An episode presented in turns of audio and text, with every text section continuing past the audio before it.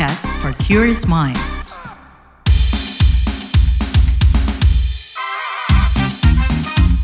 What's Trending KPR Pagi, siaran pagi radio paling update.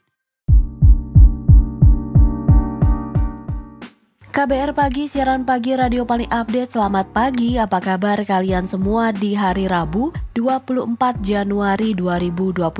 Bersama saya Lea Baneza di What's Trending KBR Pagi pastinya. Netizen respon wacana kenaikan pajak kendaraan konvensional. Itu bakal kita obrolin pagi ini. Di media sosial, Menteri Koordinator Politik Hukum dan Keamanan Luhut Binsar Panjaitan ramai jadi perbincangan. Itu karena pernyataannya soal rencana kenaikan pajak kendaraan konvensional berbahan bakar minyak.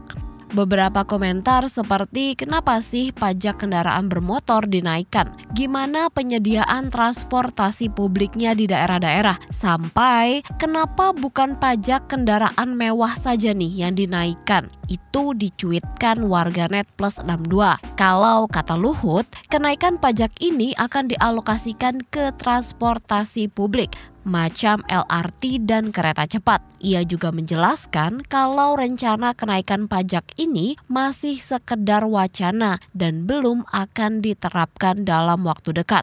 Selain untuk mensubsidi transportasi publik, kenaikan pajak kendaraan ini diharapkan mampu mengurangi polusi udara. Jadi, kalau transportasi publik makin murah, diharapkan orang-orang mau beralih dan pengeluaran dana subsidi yang cukup besar bisa terkikis, kata Luhut. Jadi, pemerintah berharap masyarakat juga mau beralih ke kendaraan listrik demi lingkungan yang lebih baik. Lantas, bagaimana respon dari masyarakat? Sudah mampukah juga transportasi publik diandalkan? Kita bahas setelah komen netizen plus 62 berikut ini.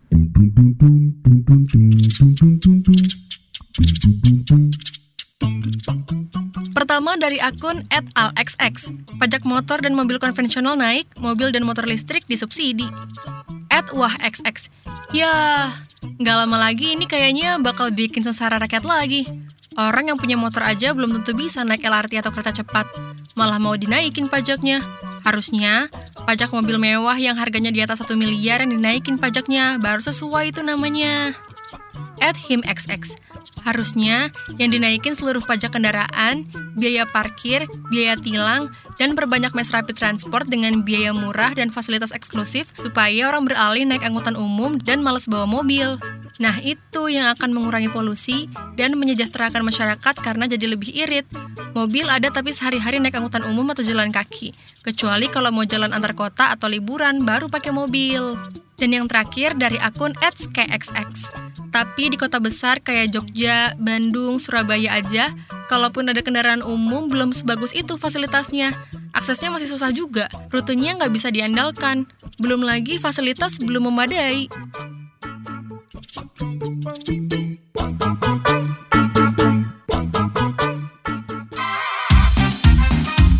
What's Trending KPR Pagi, siaran pagi radio paling update. Gimana pembahasan dan rencana pemerintah terkait kenaikan pajak kendaraan konvensional? Kita simak penuturan Menteri Koordinator Politik, Hukum, dan Keamanan, Luhut Binsar Panjaitan. Saat ini kita uh, dengan berbagai masalah lingkungan dan pemanasan global dan juga masalah polusi udara di kota-kota besar. Nah, kendaraan listrik ini sangat penting dan ini sedang kita dorong kedepankan. Dan saya pikir ini mengurangi polusi dan pencapaian target Indonesia zero emission uh, 2060 atau lebih awal dari situ. Nah, kita juga sekaligus sekarang ini akan membuat kualitas solar kita atau bensin kita seperti Euro 4 atau Euro 5 sehingga dengan demikian EV satu hal kendaraan bus angkutan semua akan kita lakukan itu dan kemudian kita juga membuat kualitas daripada BBM kita lebih bagus lagi sehingga akan mengurangi sulfurnya itu juga akan membuat ini apa kualitas air uh, udara di Indonesia akan lebih bagus sehingga kita juga tadi rapat berpikir sedang menyiapkan mungkin menaikkan pajak untuk kendaraan sepeda motor non listrik sehingga nanti itu bisa mensubsidi ongkos-ongkos seperti LRT ataupun nanti uh, kereta cepat. Sehingga dengan demikian kita coba melihat equilibrium dari paling untuk tadi dalam konteks menurunkan air pollution. Pengamat kebijakan publik dari Universitas Trisakti Trubus Rahadiansyah menilai rencana kenaikan pajak kendaraan belum tentu membuat masyarakat beralih ke kendaraan listrik atau kendaraan umum. Bahkan Trubus ragu kebijakan ini berpengaruh pada penanganan polusi udara. Nah Pak Trubus, pertama mungkin tanggapannya gimana nih soal kenaikan pajak kendaraan konvensional? Ya, pertama bahwa uh, kebijakan menaikkan uh, kendaraan berbasis bensin ya, itu saat ini tidak tepat, Mbak. Dan itu kebijakan yang menurut saya dipaksakan membebani masyarakat gitu. Karena pengguna kendaraan itu, bagi yang bermotor roda dua itu kan penggunaan bensin itu umumnya kan masyarakat menengah ke bawah. Di situ juga mereka satu-satunya kan untuk cari nafkah dari penghasilan ya dari kendaraan itu. Jadi kalau itu yang kedua, menurut saya, kalaupun pemerintah mau mengalihkan kepada bensin, apa apa listrik, mobil listrik, saya rasa ini juga harus bertahap. Maksud saya harus sosialisasi, edukasi dulu ke masyarakat dan penyediaan infrastruktur infrastrukturnya karena selama ini infrastruktur terkait dengan apa mobil listrik, motor listrik itu kan khususnya di daerah kan masih minim banget gitu. Jadi saya kira kebijakan yang memaksa untuk menggunakan motor listrik, mobil listrik juga terlalu berlebih-lebihan. Kira-kira itu, Mbak. Oke, kira-kira mampu nggak tapi Pak meningkatkan penggunaan kendaraan listrik dan mengurangi polusi udara misalnya? Belum tentu, Mbak. Belum tentu. Kalau orang akan akan menggunakan akan menggunakan listrik itu kan masalah kan masyarakat sendiri belum tahu kan kendaraan listrik itu bengkelnya segala. Jadi kalau misalnya diharapkan untuk mengurangi polusi segala belum mbak. Karena polusi di kita ini tidak hanya dasarnya kendaraan tapi juga karena faktor-faktor kayak industri-industri itu yang berbasis apa berbasis bakar batu bara juga PLTU PLTA itu yang menyebabkan polusi gitu. Jadi kalau kendaraan itu sebenarnya kecil mbak. Sebenarnya sebenarnya meskipun kalau data dari Kementerian Lingkungan Hidup yang paling besar itu berasal dari kendaraan bermotor itu itu kan sekarang sudah di eh, emisi kan sudah sudah Ya karena datanya cuma dari Kementerian Lingkungan Hidup, tidak ada data pembanding. Hmm, kalau mau memperbaiki kualitas udara dan mengurangi kemacetan akibat kendaraan pribadi, mestinya mulai dari mana nih Pak diperbaikinya? Ya harusnya ini kan transportasi umum yang digenjot, Mbak. Transportasi umum. Jadi itu mereka-mereka itu harus apa, diarahkan untuk masyarakat itu menggunakan transportasi umum. Itu jadi dikasih insentif yang lebih misalnya kayak gratis atau murah. Nah itu yang mereka mereka orang menggunakan motor roda dua itu dilarang mbak. Jadi dilarang dengan cara mbak ini ada usia pembatasan usianya. Itu mbak. Jadi yang boleh menggunakan motor misalnya motornya usia tiga tahun yang di atas tiga tahun dibunuh aja gitu jadi dilarang betul gitu kalau mau mau keras terus itu apa motor-motor yang cc-nya di bawah 250 itu nggak boleh lewat gitu. Jadi harus tegas mbak. Jadi motor odong-odong itu nggak boleh itu dilarang semua. Kalau mau polusi itu tangan ini itu mbak.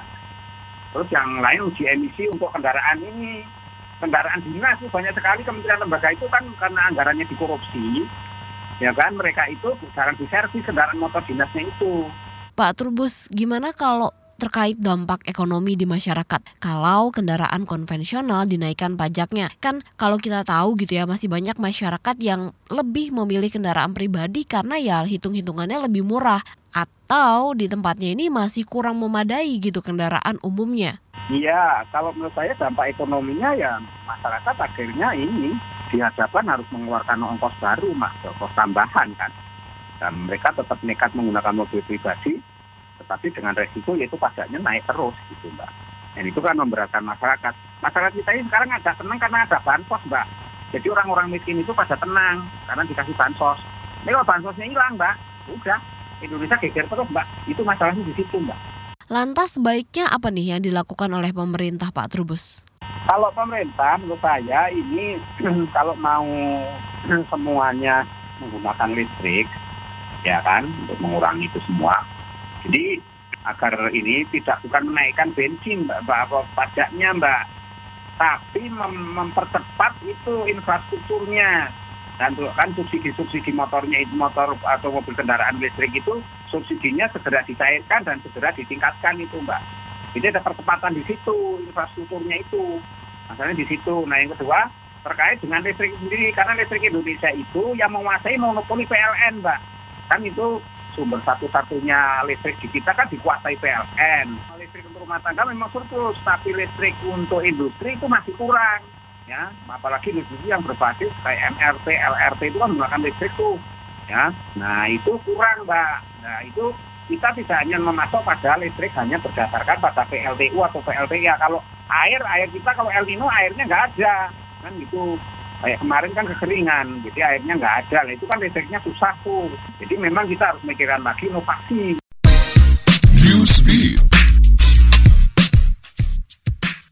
Pemerintah Australia menghentikan program Golden Visa bagi investor bernilai sekitar 51 miliar rupiah.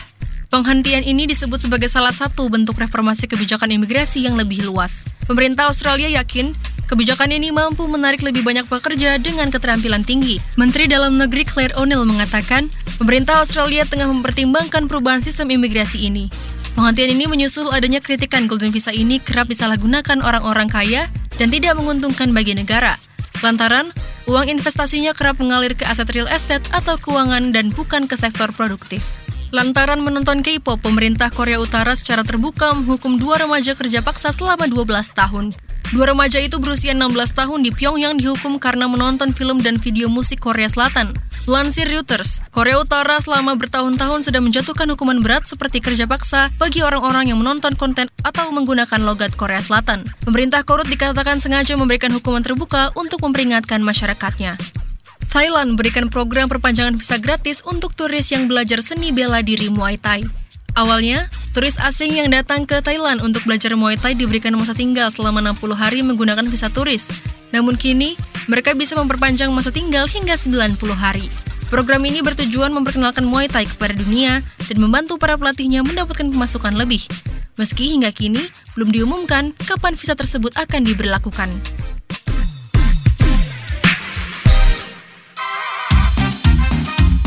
What's Trending KPR Pagi, siaran pagi radio paling update. Lantas apa yang perlu ditempuh buat memperbaiki sistem transportasi publik kita? Kita tanyakan ke Direktur Eksekutif Institut Studi Transportasi Instra Dedi Herlambang. Pak Dedi, gimana tanggapan Anda soal rencana kenaikan pajak kendaraan konvensional?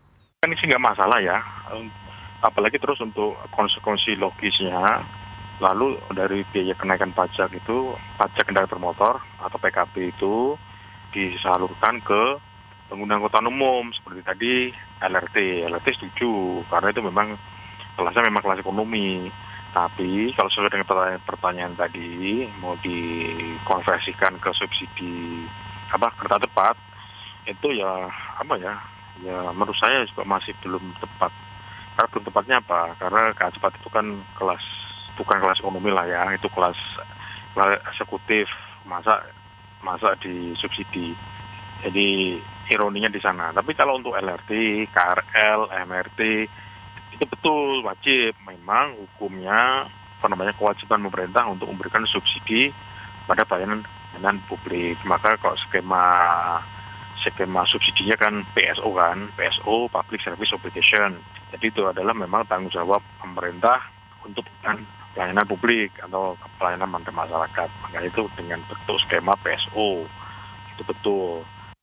Hmm, kalau kondisi subsidi transportasi publik khususnya di daerah gitu ya Pak Dedi, apakah memang sudah cukup memadai? Di daerah-daerah itu masih banyak memerlukan angkutan umum baik berbasis rel atau berbasis jalan itu yang perlu subsidi ya kita juga punya di daerah itu juga kita punya teman bas. Teman bas itu skema pemerintah pusat di Kementerian Perhubungan itu dengan skema BTS Time the Service ya. Jadi Time the Service itu ya itu. Jadi masyarakat memberikan layanan bisa sampai masyarakat bisa membeli semurah mungkin bahkan bisa gratis untuk layanan uh, bus ya. Bus-bus jadi di mana-mana sudah ada di Medan, Semarang, di Solo misalnya, di Bogor misalnya itu juga ada semua. Nah itu kita masih kekurangan biaya subsidi. Nah kenapa kalau untuk biaya uh, kereta cepat juga disubsidi? Karena uh, stimulan untuk penggunaan subsidi itu adalah supaya masyarakat yang biayanya murah, supaya masyarakat tidak menggunakan kendaraan pribadinya, sehingga di dalam aktivitas sehari-hari itu mereka menggunakan angkutan umum baik itu bus ataupun basis rel atau kereta api baik itu KRL, MRT, LRT itu kita masih kurang biaya untuk skema subsidinya kalau dihitung-hitung gitu ya Pak, pengeluaran masyarakat buat naik kendaraan umum sama pribadi gimana sih perbandingannya? Kan kita tahu ya ada alasan dari masyarakat kalau lebih murah nih masih kalau pakai kendaraan pribadi dan ada juga yang alasannya si first mile dan last mile-nya ini masih kurang memadai atau masih lebih mahal gitu. Nah itu makanya, makanya itu justru karena menggunakan kendaraan itu mahal, makanya disubsidi ya kan? Disubsidi dengan tarif yang lebih murah. Misal misalnya seperti bis Transjakarta itu kan dari dulu 3.500 karena memang disubsidi ya kan? Nah terus kalau misalnya kita kurang nah itu dia karena kita feedernya kita yang menuju ke titik-titik ke titik ke titik simpul misalnya ke stasiun itu memang minim sekali sehingga masyarakat mahal mereka menggunakan ojol ojol kan mahal memang itu last mile-nya. Angkutan umumnya murah, naik KRL 3000, tapi naik ojolnya mahal, bisa PP katakanlah mungkin bisa 40 ribu atau 50 ribu seperti itu. Kalau naik KRL bisa 3 ribu. Nah, semestinya pemerintah membuat skema atau uh, simulasi uh, angkutan murah berdasarkan feedernya itu. Nah, feedernya kan harusnya kan lebih murah dan lebih banyak jumlahnya. Nah, seharusnya pengaturan seperti itu kan kita kurang misalnya. Keretanya karetnya banyak tapi feedernya cuma satu misalnya. Satu apa setengah jam cuma satu. Hanya kurang misalnya gitu. Apalagi kalau di kereta KRL itu kan yang bongkar yang unload kan ribuan. Satu kereta satu KRL itu bisa dua ribu katakanlah. Tapi biasanya cuma satu misalnya. Kan kurang. Ini salah salah contoh ya kalau kita di Tanah Abang misalnya atau di Tebet. Tidak bisnya jarang HTW-nya juga tidak merata misalnya Nah itu salah satu masalah ya. Jadi seperti itu. Sehingga juga nggak nggak ada alasan juga kalau pemerintah misalnya dananya kurang terbatas. Kan sudah ada subsidi, ya sudah ada kenaikan pajak dari kendaraan yang PPKB tadi. Itu kan harus bisa dibelikan uh, kendaraan-kendaraan feeder tadi, bus-bus tadi. Tapi kalau misalnya kita mau belajar dari pengalaman pembangunan transportasi di luar negeri gitu Pak, Dedi, kira-kira gimana nih transportasi kota itu dibangun dan apakah harus fasilitasnya dulu memadai baru misalnya kayak pajak kendaraan, parkir dan lain sebagainya itu baru dimahalin gitu?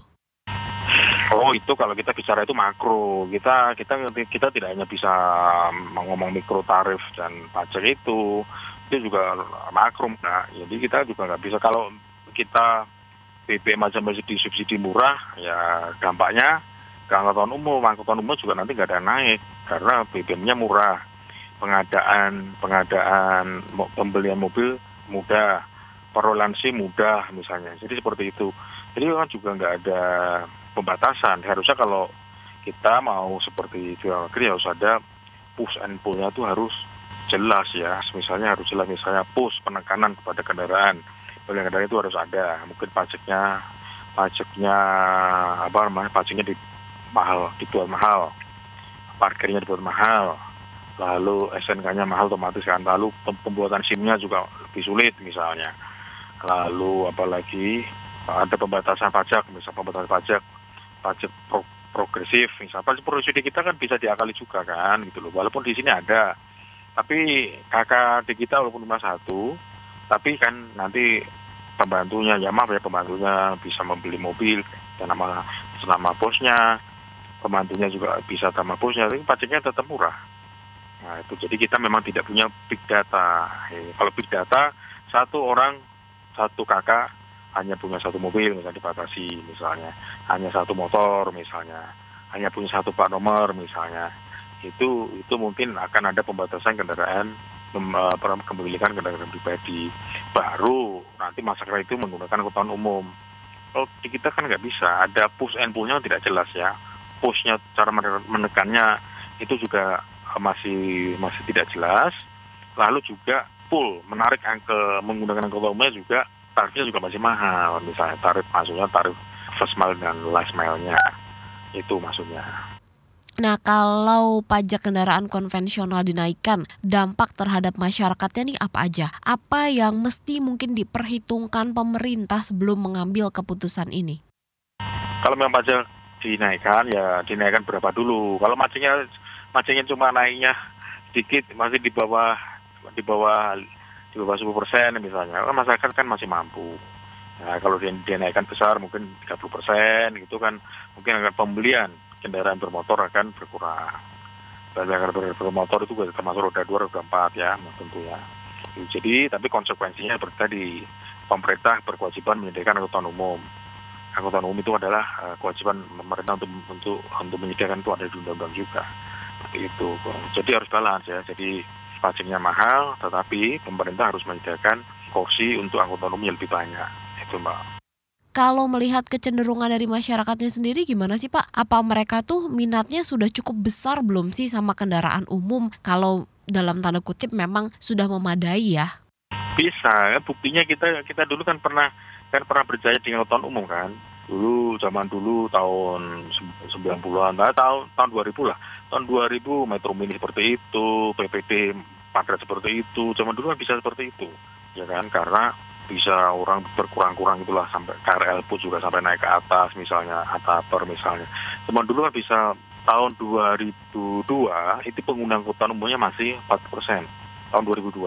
Lalu 10 tahun berikutnya 2000 10 tahun berikutnya 2012 ya 2011 2012 pengguna angkutan sudah ber, itu sudah berkurang. Itu sudah berkurang menyusut menyusut menyusut. Sampai sekarang pengguna umumnya di bawah 10 persen. Itu kan bisa. Dan masyarakat kita dulu juga bisa menggunakan angkutan umum. Sebelum menggunakan sebelum peng, apa namanya kepemilikan kendaraan itu udah. Dulu kan sulit ya kan? Orang harus mem, kendaraan atau mobil itu sulit harus DP-nya sekian nah, misalnya jadi tidak semua orang bisa membeli kendaraan baik mobil atau motor oh, soalnya kan dengan satu juta lima ratus ribu orang bisa membawa pulang kendaraan roda dua itu jadi bisa, masyarakat kita bisa. Kalau kita kembali ke sana bisa, tapi dengan konsekuensi pemerintah harus menyediakan lebih banyak angkutan umum, baik itu bus atau kereta api.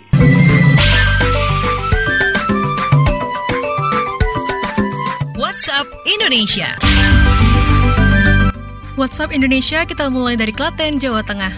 Badan Penanggulangan Bencana Daerah BPBD Klaten membagikan ribuan masker ke warga tiga desa di kawasan rawan bencana KRB lereng Gunung Merapi di Kemalang. Kepala BPBD Klaten Charuna mengatakan, pembagian masker dilakukan sebagai antisipasi terulangnya hujan abu vulkanik erupsi gunung berapi yang sempat terjadi akhir pekan kemarin. Menurut Syahruna, hujan abu vulkanik sempat mengguyur beberapa kawasan sekitar lereng Merapi di Klaten dan meningkat intensitasnya. Syahruna mengimbau warga tetap mematuhi rekomendasi dari Balai Penelitian dan Pengembangan Teknologi Kebencanaan Geologi (BPPTKG) agar tidak melakukan aktivitas apa pun di daerah potensi bahaya. Selanjutnya menuju Medan, Sumatera Utara. Pemerintah Kota Medan bakal meluncurkan Mall Pelayanan Publik MPP di Ekstramayana Pringgan Jalan Iskandar Muda. Mall pelayanan publik ini digadang-gadang demi meningkatkan kecepatan, kemudahan, keterjangkauan, keamanan, dan kenyamanan masyarakat dalam mendapatkan layanan publik. Wali Kota Medan Bobi Nasution mengatakan, MPP harus memberikan informasi yang jelas dan lengkap kepada warga. Tak hanya kejelasan informasi, harus ada juga kejelasan dan ketegasan soal waktu pengurusan. Dikabarkan, MPP akan memiliki 26 instansi penyelenggara pelayanan publik dengan total 70 layanan.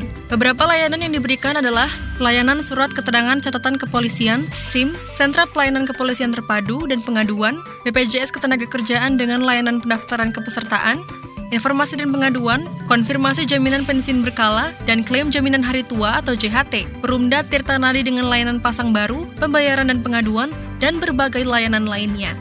Terakhir ke kabar hiburan. Asosiasi Komposer Seluruh Indonesia Aksi berencana membuat aplikasi yang mewadahi pembayaran royalti. Ketum Aksi Satrio Yudi Wahono atau PIU menganggap keberadaan aplikasi ini penting.